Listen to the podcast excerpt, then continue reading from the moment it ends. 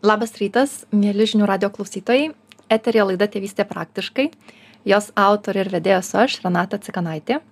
O šiandien pas mus svečiuose aktorė ir mama Kristina Savickytė. Labas rytas, žinių radio klausytojams sakau ir labai keista sveikintis kitoje pusėje, nes iš tiesų kartais pati irgi čia šitam radijui kalbinu žmonės. Ir labas Renata. Labas Kristina. Aš tave pristatydama pagalvojau iškart taip spontaniškai apie pirmą klausimą. Sakiau, kad tu esi aktorė ir mama. Kaip tau sekasi arba sekėsi suderinti šitus du vaidmenis tavo gyvenime?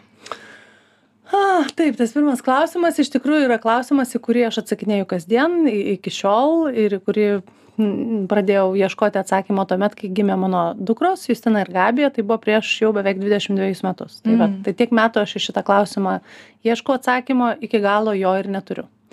Suderinti sekasi dažniausiai sunkiai.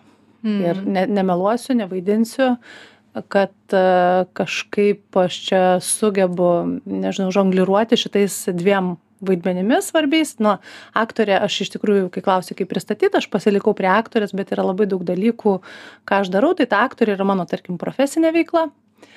O o jau mama yra ta tas toks įsipareigojimas didesnis namuose bet namuose kaip žinia mes turim ir visokių kitokių įsipareigojimų. Aš esu ir žmona aš esu ir nežinau namų šeimininkė valytoja ir taip toliau ir nu kas tik nori. Jeigu tai fėja okei.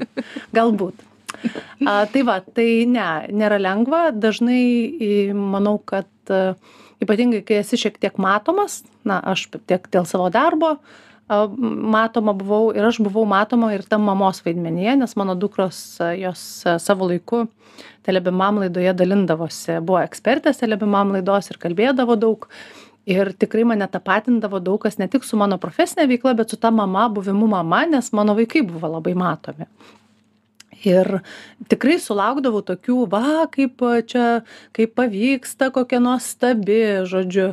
Ir man iš tiesų būdavo netgi sunku tai girdėti nes aš jaučiau didelį vidinį disonansą Mm. tarp to ką žmonės mato. Jie mato tokius nuostabius vaikus e, jie mato nuostabią mane besišypsančią galbūt kažkokiuose puslapiuose žurnalų. Ir e, bet namuose visko būdavo.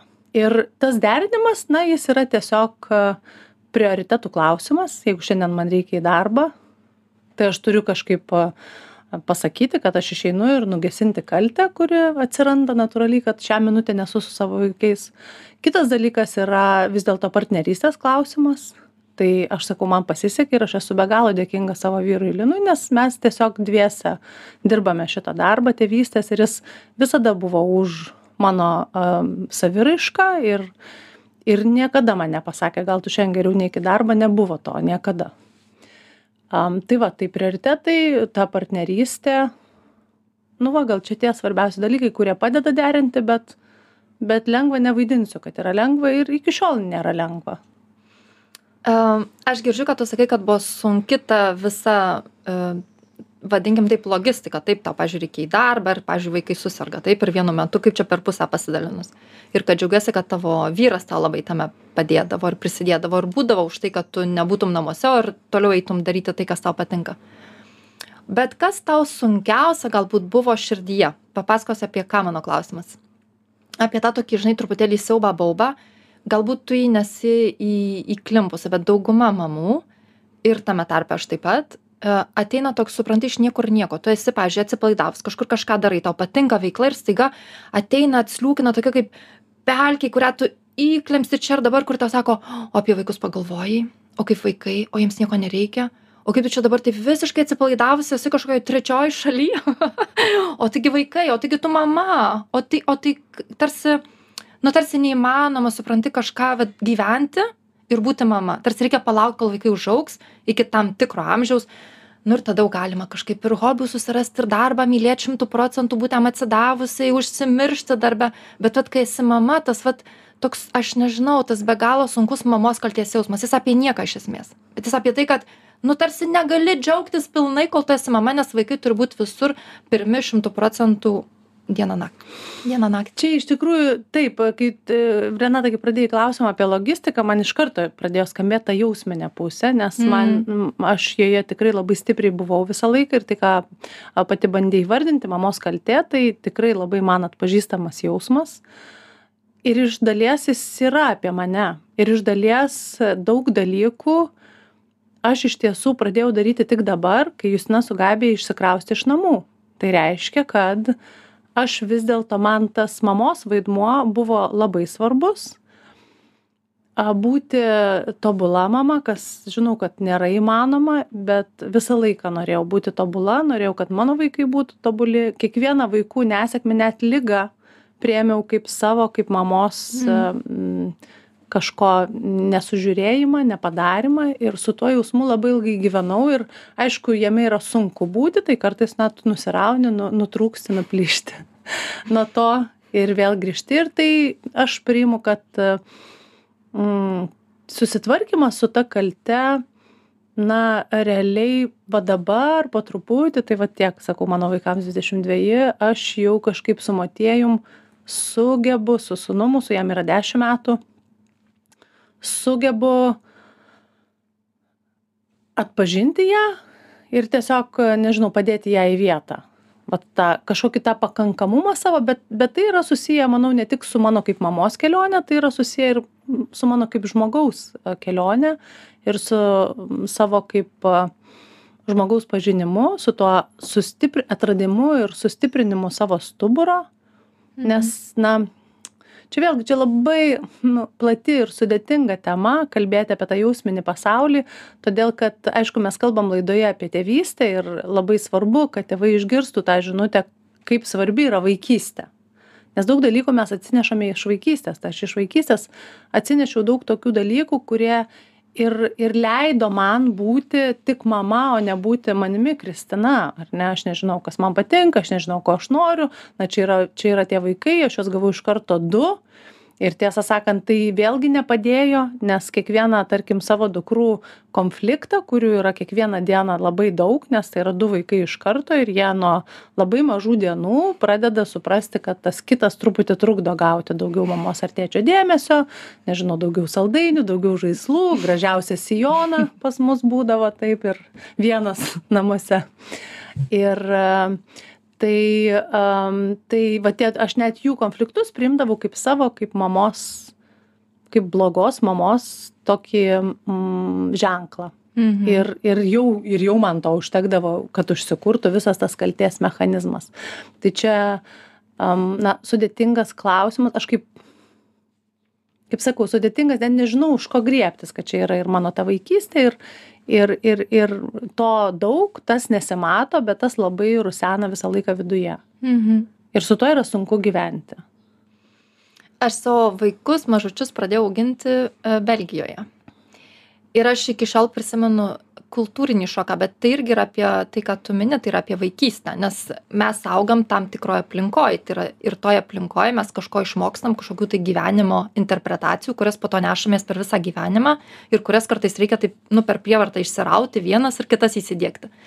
Tai vat jie ėjo į darželį kur būdavo kadangi briusely labai daug žmonių tikrai iš visų europos šalių suvažiavę tai daržely ten būdavo draugai italai ispanai vengrai prancūzai amerikiečiai nu labai skirtingi vaikai ir aš prisimenu iki šiol pirmus susitikimus tom kitom mamom. Pavyzdžiui mamos prancūzės. Jos uh, aš net nemoku ir va tai vadinas vaikų vaikystė yra tokia kad vaikai mato mamas nuolat darbuose ir karjerose bet net ne dėl iš kažkokios tai aistros o ten tikrai yra taip jaučias toks labai stiprus aš turiu būti kaip vyras aš turiu lygiai taip pat uždirbti daug stipriai dirbti daug ir būti tikrai va ta lygybė moterų jinai tokia vos ne taip traukiama taip labai stipriai vat vaikų vaikystėj va tokia interpretacija apie pasaulį kad pavyzdžiui moterys ir vyrai dirba vienodai ir vadinas vaikai turi būt tokie savaime praktiški nuo pat vaikystės tokie patogūs kažkaip tai nes abudu tėvai lygiai taip pat dirba. Kita mama amerikietė pavyzdžiui jinai nuo nuo pat pirmo susitikimo pasakojo apie meilę sau kad geriausia dovana vaikui tai yra laiminga mama. Aš ten sėdžiu klausausi tų visų dalykų aš galvoju dieve apie ką čia? Tai va tų vaikų vaikystė tokia bus kurie visą laiką matys mamą kažkokią panirusią į sau malonius dalykus ten besivaikančią savo kažkokių tai hobių ar aistrų.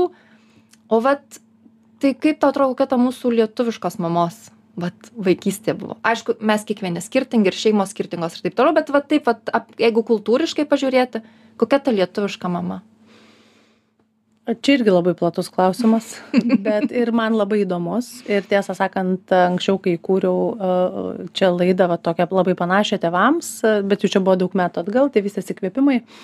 Tai irgi man tas klausimas buvo įdomus, aš kalbinausi ir mamas, na, kokia ta prancūziška vaikystė, amerikietiška, turėjau tokių viešnių, kurios augina vaikus dabar tose kultūrose. Uh, ir aiškinausi lietuvišką tai man atrodo vienas labai svarbus yra aspektas kalbant apie lietuvišką tėvystę tai yra dabar perleista um, danutės gailienės tokia knyga ką ji mums padarė apie tą sovietinį apie tą apie tą tokią mm, kolektyvinę traumą kurią mes turime. Ir kai pagalvoji iš tiesų nėra praktiškai šeimos lietuvoje kuri nebūtų sužeista a, to sovietinio arba ir to nacistinio tų abiejų režimų a tai man atrodo vienas dalykas yra tai kad tie labai stipriai sužeisti žmonės kurie buvo mūsų tėvai ir seneliai na jiems tikrai turėjo būti sunku auginti vaikus. Ir plius kad jie buvo sužeisti tai tarkim jeigu kalbant apie tą patį nežinau holokaustą jeigu kalbam ar ne tai na yra tikrai gana ilgalaikis įvykis bet jis pasibaigė tai mum dar jis tęsiasi reiškia ne holokaustas bet tas gyvenimas sovietiniame režime jisai tęsiasi penkiasdešimt metų ir tai buvo visa sukurta ta pavadinkime traumavimo ir patoginimosi pagal tą sistemą vaikų na vėlgi sistema ar ne mašina užkurta tam tikra.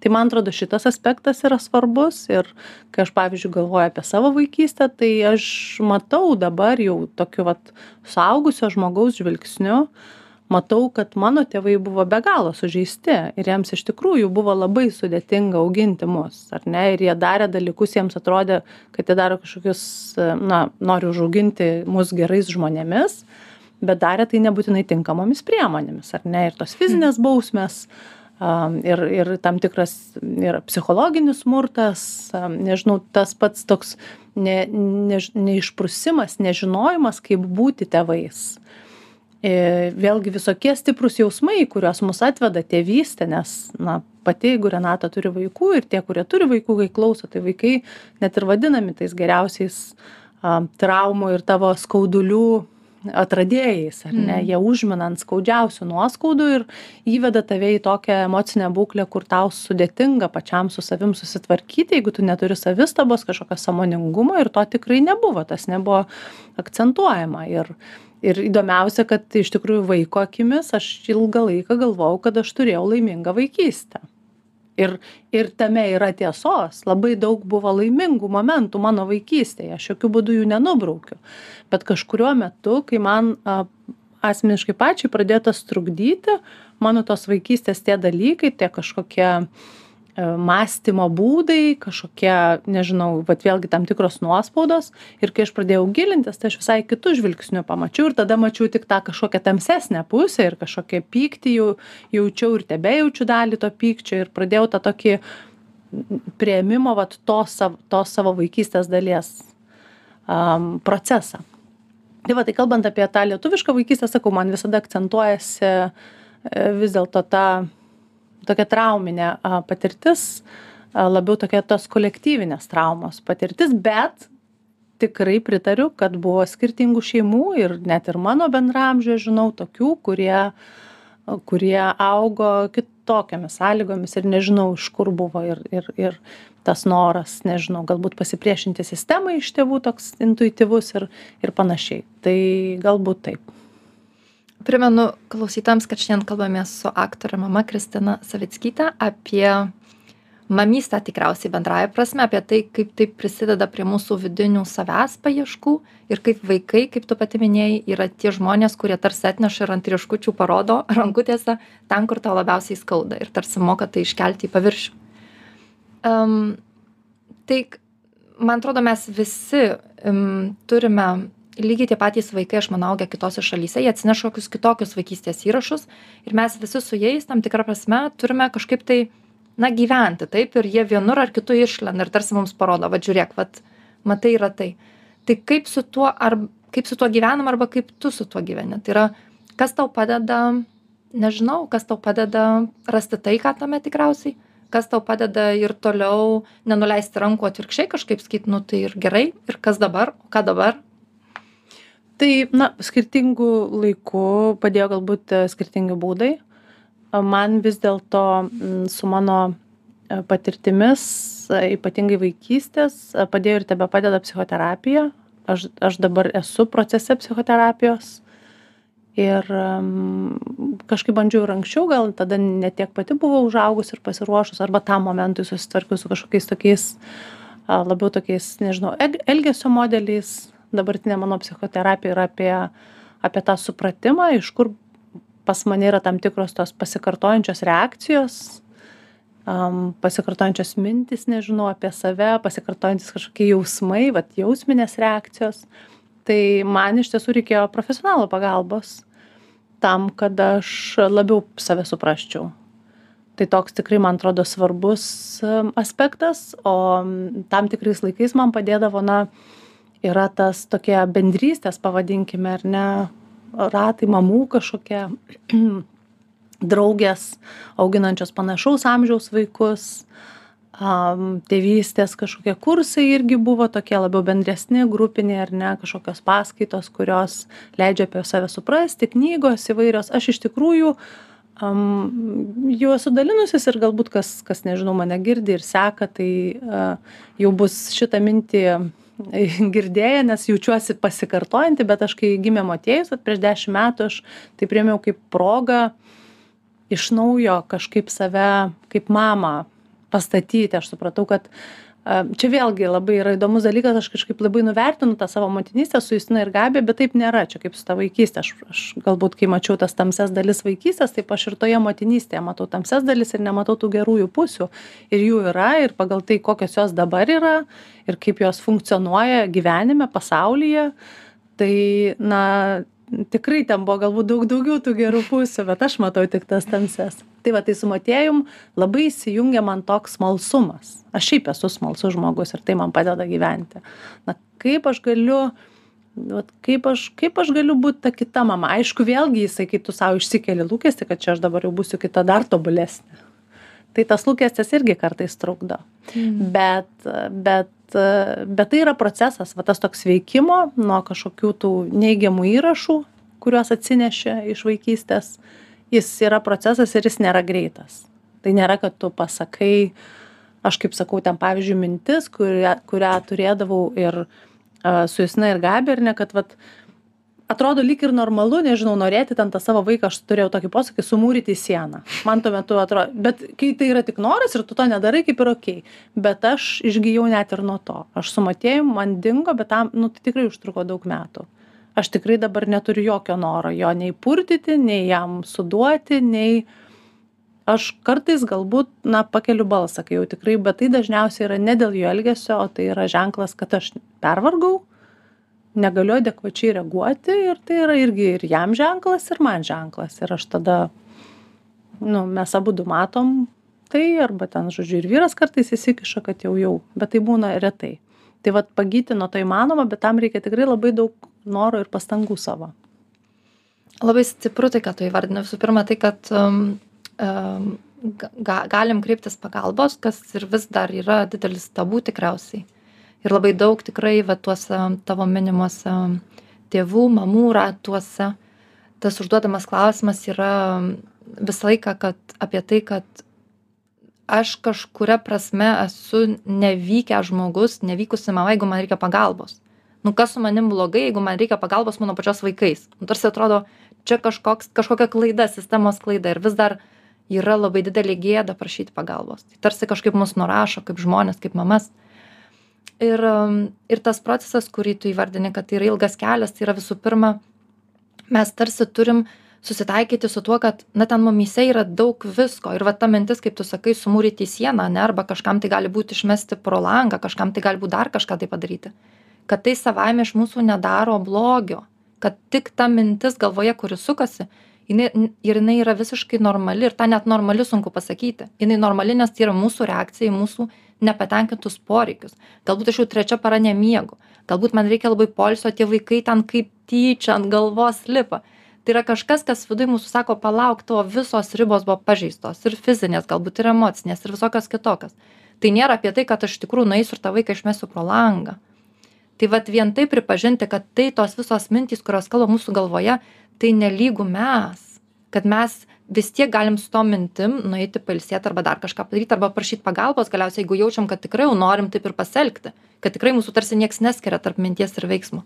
Bet tai yra labai labai ilgas procesas. Ir vat kai tu prakalbėjai apie psichoterapiją aš norėjau paklausti tu, tu manau kad tu dalinai atsakei koks tavo lūkestis kodėl tu nuėjai į psichoterapiją? Vien todėl kad tu tu paminėjai kad norėjai išsiaiškinti kodėl tu turi tam tikrus dalykus vat iš kur tai ateina. Ar tu turėjai kitokių lūkesčių eidama ten na pagrindinis lūkestis taip kaip ir įvardinau. Ir jis bet jis iš tikrųjų labiau buvo intuityvus. Aš realiai tą lūkestį įsivardinau. Aš supratau kad na kad tos mintys įvairios mano galvoje jos yra ne tik apie mamystę ir tėvystę jos yra apie profesiją jos yra apie tai kaip aš iš viso apie santykius kuriuos aš kuriu gyvenime ir pasaulyje apie santykį su mama nes mano tėtis yra jau miręs sunku pasakyti bet kiek metų du tūkstančiai aštuntais tai jau dabar bus keturiolika metų ar ne šį rudenį. Tai su juo irgi santykis jis yra nes na nesvarbu kad jis miręs bet aš jį turiu savo galvoje savo jausmuose. Tai va bet mama tai yra gyva ir tas santykis irgi man svarbus ir jis truputį pagedo ypatingai po to kai aš atvirai pradėjau dalintis apie tas fizines bausmes mūsų šeimoje. Vėlgi atrodė kad yra tik tos tamsios pusės ir ir ir dažnai žmonės išgirdę ir matydami tokius pasidalinimus jie nesupranta kompleksiškumo aš atsimenu va dabar kaip tik mes kalbame su pačia tik ką praėjo tėčio diena man vis dar sunku tėtį pasveikint su tėčio diena E, bet jau dabar aš tokiame esu virsme, kad lyg aš jau pradedu jam atleisti, irgi tai yra procesas. Bet aš atsimenu, kažkas kažkada pakomentavo, ar prie mamos, ar prie tėčio dienos pasidalinimų, nu, va taip tokį komentarą, kad nu kaip čia reiškia tu reiškia pas pasipasakojo kaip čia tie tėvai tarkim juos mušė ten rėkė ar kažkaip ar kažkokius dalykus darė netinkamus o paskui sveikina. Ir vat žmonėm iš šalies galbūt atrodo kad tai viskas yra labai taip paprasta ir plyna bet ne ten yra labai daug įvairių jausmų. Ir aš tarkim savo tėčiu aš ir ilgiuosi ir jį myliu ir ir ir ir esu dėkinga jam už daugelį dalykų bet lygiai taip pat ant jo pykstu ir jo nekenčiu už tai ką tarkim kaip jis su manim elgėsi tuo metu kai aš buvau vaikas tai vat ir visi tie jausmai jie gyvena ir verda manyje kaip puode. Tai kalbant vat praplečiant tą klausimą dėl ko man konkrečiai tuo momentu reikėjo psichoterapijos atrodė kad reikia. Kad aš supratau kad na kad man tikrai labai trukdo gyventi. Įvairiausi dalykai įvairiausi klausimai kylantys. Kažkoks tada atsiranda toks nerimas nerimastingumas. Ir ir ir ir aš labai daug jėgų tam padedu. Iš kitos pusės atsirado tam laiko nes vėlgi terapija atsirado tada kai realiai justina ir gabija išsikraustė. Ir iš kitos pusės jų paleidimas irgi labai a sunkus procesas. Ir gali būti kad tai bet atpažint tokį vieną kad vat aš turiu kažkokį konkretų lūkestį tai negaliu. Vėlgi tas pats vat kompleksas e, žmogiškų jausmų žmogiškų klausimų ir noro vat jau po to išsigryninau kad taip iš tikrųjų man yra labai svarbu atpažinti kas su manim vyksta įsivardinti tai žinoti kas man padeda žinoti kas e, kokios ribos man yra reikalingos nes tai tas irgi sudėtinga tai dabar padarysime trumpą pertraukėlę ir netrukus grįšime į eterį. Grįžtame į eterį. Primenu visiems klausytojams kad eteryje laida tėvystė praktiškai ir šiandien pas mus svečiuose aktorė ir mama kristina savickytė. Mes kaip tik prieš pertraukėlę kalbėjomės apie tavo lūkesčius asmeninius lūkesčius psichoterapijai. Paaiškinsiu kodėl uždaviau šį klausimą. Todėl kad labai dažnai pastebiu ir aš pati pirma a, mamas ir tėčius einančius į visus savęs tobulinimo kursus, kelius, skaitančius knygas, klausančius seminarų, konferencijų, laidų ir viso kito, su tokiu slaptu lūkesčiu, kurį dažnai savo net neįsivardinam. Būti kažkiek tai geresniu kažkuo tai. Tarsi, tarsi tai taip laukiam, kad va, jau dar kažką išklausysiu, dar ten kažko tai suprasiu, kažko tai ir tada jau būsiu, na va ta mama arba tėtis, kurios tai, ką norėjau būti ir man atrodo tas lūkestis iš tikrųjų yra apie tai kad mes tarsi norim na kažkur atkeliauti o dažniausiai kur norim atkeliaut tikriausiai norim atkeliauti ten kur mes nesam savo visų tų jausmų spąstuose. Taip vat kaip tu sakai vat pastebėjau kad pavyzdžiui su trečiu vaiku sūnumi labiau retai reikia balsą pakelti. O o dažniausiai tas pirmas refleksas į vaikus kai tik atsiranda tai noris visą laiką rėkti. Nes vis kažkas nes išlenda tie vat pirmi skauduliai kurių iki tol gal net nežinojom kad jie mumyse išvis egzistuoja. Tik susidūrus su vaikais tu pajauti kad viduj ten visko kažkiek daug yra. Ir tu nori labai nutildyti vaikus nes nu kai jie nutilsta ir jų nėra tie skauduliai vėl ten nugrimzta į dugną. Ir vėl tik vaikai šalia ir vėl viskas sukyla. Ir tu taip nuolat reaguoji į aplinką. Ir nuolat tą aplinką kažkaip tai nori nutildyti. Tai vat labai dažnai tie lūkesčiai iš tikrųjų yra apie tai kad aš noriu būt kažkoks geresnis žmogus taip lyg taip kaip aš esu dabar čia su kažkas negerai. Nu iš esmės nu kažkas.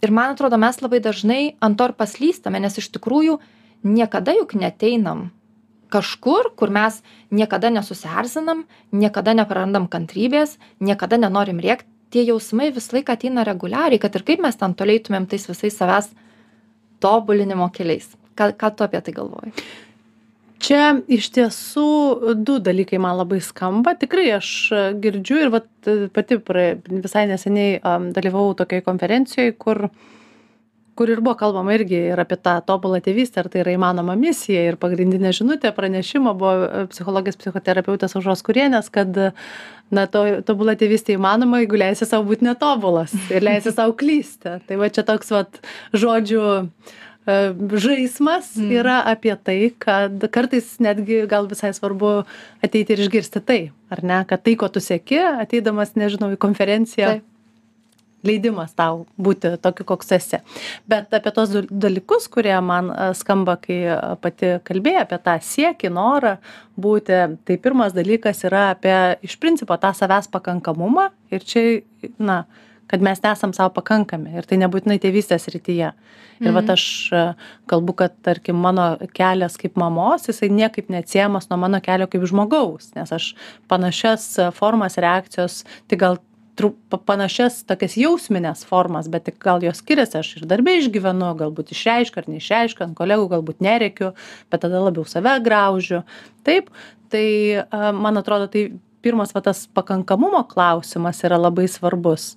A, o kitas yra susišaukęs su tuo, ką pati klausė apie tas vaikystės patirtis. Mm. Na, e, aš kalbėjau apie tą, reiškia, labiau tą trauminį aspektą, ar ne kolektyvinės traumos, bet, bet mūsų vaikystė, nežinau kaip tavo Renatos, bet bent jau mano ir, ir dažno žmogaus, kurį aš sutinku, mano maždaug amžiuje arba šiek tiek jaunesnių, buvo apie tai, kad mes vis dėlto buvom labiau taisomi ir, ir mes iš tikrųjų vėlgi susišaukia su to nepakankum, nepakankamumu ar ne? Mm. jeigu tu gavai ten mano laikais dar buvo penkiabalė sistema keturis ar ne tai kodėl ne penki? Ar ne? O kodėl atsiprašau tai kodėl ne o kodėl ne trys ne du ir ne kuolas? Nieks neklausė ir kodėl draugas gavo daugiau taip ir dar mes mes mes buvom tokiam auginami tam lyginime mes buvom auginami tame pataisyme va tokiam visą laiką taisė. Ir tu užaugi su ta mintim ir tave taisė tave taisė pastabomis tave taisė klausimais ar ne po to kai tu pasipasakoji kaip tau sekėsi. Tave taisė nežinau kažką taisė mušimu ar ne kaip mane asmeniškai ir kai kuriuos bet kai ką taisė a, dar tokiu um, kažką prisiminiau, bet ir pamiršau žodžiu. Tai, ai, va, apie jausmus, nes ir kalbėjai apie tos jausmus, reikimą, liūdėsi, kažką taisė apie tai, kad tam tikri jausmai, ne visus jausmus mes galėjom saugiai išjausti šalia savo tėvų, kurie, na, buvo vis tiek tie žmonės, kurie labiausiai mumis rūpinosi, ar nepykti buvo a, negražu, negalima liūdėti, ko čia liūdė, ar ne, yra, yra dar čia dėl ko liūdėti, dėl tokio niekniekio, ar ne mūsų nuvertinami buvo ir jausmai. Ir man atrodo, va tas va kompleksas irgi mums, mus ir įvaro į tą tokį žiurkėno ratuką kur va sukasi kur mes visą laiką bėgam bėgam bėgam ir mes nežinom jau nebežinom kur bėgam nes mes nes to to tobulumo nu tikrai jo nėra. Ir tas mm. savęs pakankamumo ir tas pats viniko to pakankamai geros mamos pakankamai gero tėčio um, pasakymas ar ne yra kad yra turėtų būti nuraminantis. Bet tiesą sakant jis nebūtinai nuramina nes tu nori nebūt nepakankamai geras būt tu nori būt geras. Tu nori būt tobulas.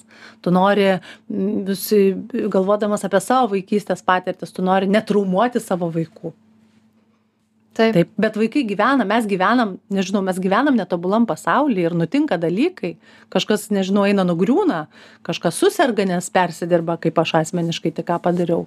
Ir, ir tada vėl tada tas netobulas pasaulis mūsų užgriūna, kažkas su kažko nedraugauja, jeigu kalbam apie vaikus ir tu nieko negali padaryti su tuo. Tai man atrodo, netobulam pasaulyje visai sveikai yra gyventi visiems netokiems tobuliems. Aš vis dar laukiu, kad kas nors, kad nors parašytų knygą ir galbūt čia vėlgi grįžtam prie kultūrinių dalykų. Gal visai normalu rašant knygą, būnant kokiu nors amerikiečių, pavyzdžiui, ten psichologų arba psichoterapeutų, rašyti ir įvardinti tokius dalykus kaip normalu kartais supykti ant vaiko. Ir aš prisimenu, skaitant tokias knygas, manęs tai nenuramindavo, nes aš žuodavau, bet rašo kad normalu kartais supykt ant vaiko. Ir tas kartais supranti aš įsivardydavau tris kartus metuose nu kartais ane? Nu nu gerai keturis kartus metuose nu tikrai kartais. Ir aš taip apsižiūrėdavau aplink mane ir galvoju aš jau šiandien ryte keturis kartus supykau. Tai čia knyga ne apie mane. Ir man norisi tos kad kažkas parašytų tą knygą apie tikrai kaip būna kad mes pykstam ne kartais ant vaikų. Tu vienoj dienoj gali juos be galo mylėti. Nu tikrai duotum ranką nukirst jeigu reiktų pasirinkt vaiko ranką ar mano. Tikrai duočiau nukirsti ranką. Bet tuo pačiu aš galiu ant jų pykti iki negalėjimo. Ir kad tai turi savo vietą kad kažkas turėtų tai tarsi įvardinti. Vat grįžtant prie to ir ir tų kursų irgi ir seminarų ir viso kito ir tų knygų man visą laiką susiklausydavo labiausiai tie kur kur um, kur žmogus kuris dalinasi daug daugiau kalbėdavo apie tai kaip neišeis ir kad tai yra normalu nes mes vis tiek esam visi žmonės nu ne robotai nu neturim įdiegtų programų kurios tobulai veiktų ir ten tiktai vieną kažkokią tai prizmę visą laiką matytų. Mes esam žmonės ir normalu kad mums neišeis. Ir ką darom tada kai neišeis? Kad tai nereiškia kad mes turim save nurašyti arba kad kažkas blogai su mumis. Kad tai yra gyvenimas. Nu va tikrąja to žodžio prasme kad gyvenimas yra apie tai kad labai dažnai neišeis. Paprasčiausiai. Kas tau ką tu labiausiai išsineši iš tų visų savo paieškų? Vat jeigu reiktų aišku tai sudėtinga bet jeigu reiktų tai suvesti vieną kažkokį tai aspektą. Taip vat visų tavo paieškų kelionių klausimų psichoterapijos tarsi vat kažkas stipriausias aspektas kas tai būtų? Kažkokia žinutė tau pačiai. Tai žinutė man atrodo labai tokia paprasta man jinai atrodo paprastai pasakoma bet ne iš karto padaroma. Tai kad jeigu tu nori nu tikrai visada gali bet tai nepadaroma per akimirksnį mm. ir jeigu yra noras ir ir tos paieškos vat vėlgi tu įvardini ten viena knyga tave paguodžia kita nepaguodžia tai yra apie tai kad na tu supranti tu atsirenki ratą um, savo autorių savo autoritetų kurie tave įkvepia mm. ir gali bet kada prie jų grįžti kas man atrodo yra svarbu m, tam savęs pažinime ir santykyje su tėvyste mums vis reikia priminimo. Ir dabar man atrodo yra na tikrai daug daugiau įvairių formų. Yra nežinau ta pati tėvų linija kur tu gali paskambint anonimiškai. Tau nebūtina eiti než ieškoti psichologo. Tu gali paskambinti ir konkrečiu klausimu vat tarkim perskaičiau knygoj kad kartais galima supykt o jau supykau per dieną keturis kartus. Ar tai yra normalu ar ne? Ir tu gali gauti tai atsakymą. Tu gali mhm. tai vat tai vat vat gal gal tada prie to kad kad jeigu nori gali tai bet kad vis dėlto reikia to priminimo kad tu negali vienąkart išmokai tą pamoką ir tu gi pamiršti. Nes tu verdi tame katile įvairiausių įvykių įsipareigojimų ką atneša labai vaikai ar ne nuvežt parvežt būrelis e, gydytojo pažyma nu milijonai dalykų ar ne kuriuo kuriais tu turi pasirūpinti šalia savo dar kitų dalykų tai kad reikia galbūt tam skirti laiko jeigu tau yra svarbu. Ir man kažkaip susišaukė su vienos mamos pasidalinimu kai jinai sakė kad aš ilgą laiką galvojau kad aš neturiu visiems šitiems dalykams laiko. Nu vat priminimams taip būti kažkokioj erdvėj kur tau nuolat primena eiti ten kur tau gera tarsi pasisemti va taip reguliariai kažko sau. Kol sako aš vieną dieną supratau kad bet to nedarydama aš kiekvieną dieną sau primenu vis kitus dalykus pavyzdžiui kaip aš nuolat pikta ir ten ne nepatenkinta ir ir vis kažką užmirštanti. Tai irgi tarsi na čia panašiai kaip su tais fiziniais raumenimis kurį treniruoji tas ir auga. Tai nuolat treniruoji tai kad aš nuolat man trūksta kantrybės aš nuolat pavargus ir aš nuolat rėkiu tai tarsi tu tik tai ir matai ir tai ir užsiakcentuoji ir tu kuo labiau kažką praktikuoji tuo tu geresnis tampi tame ką tu praktikuoji. Ir jinai sako man buvo tas toks akių atsivėrimas kai aš supratau kad bet tai aš tada jeigu lygiai tiek pat energijos investuočiau kažkur kitur nors šiaip ar taip vis tiek investuoju nes interakcijos su vaikais juk vyksta kiekvieną dieną. Tai gal tada aš visai kitaip vat tikrai ir kitą raumenį įsitreniruosiu pavyzdžiui kantrybės raumenį.